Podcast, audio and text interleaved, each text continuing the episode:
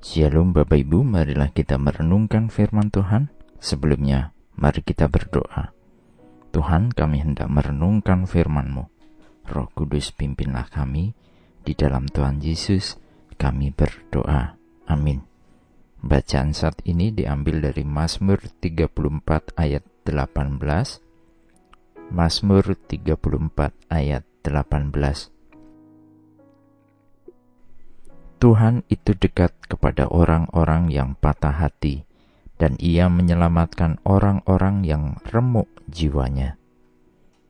Mungkin sebagian kita pernah merasakan yang dinamakan patah hati.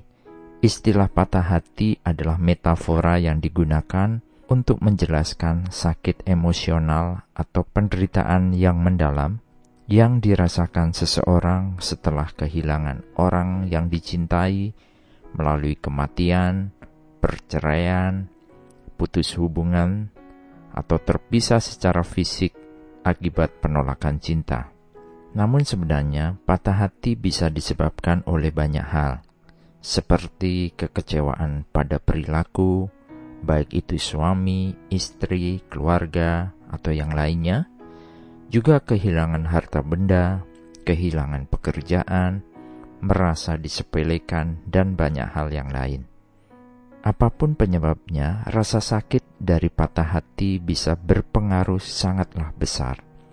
Sebuah studi memperlihatkan bahwa patah hati terasa menyakitkan sebagaimana seperti sakit fisik yang mendalam.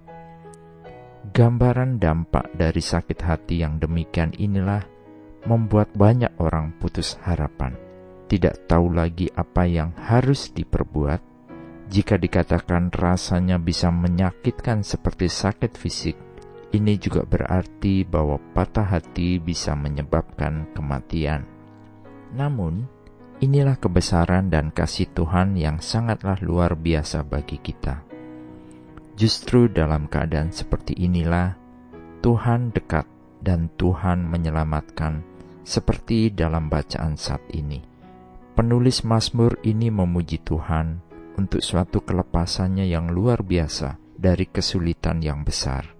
Kesaksiannya memberikan semangat kepada semua orang percaya yang tertindas untuk tetap percaya bahwa dalam keadaan yang terburuk sekalipun, mereka dapat mengalami kebaikan Tuhan.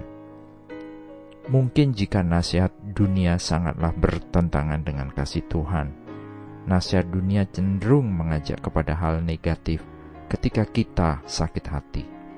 Kemarahan, obat-obatan, minuman keras, dan banyak hal yang lainnya yang lebih banyak bertujuan untuk merusak diri kita sendiri.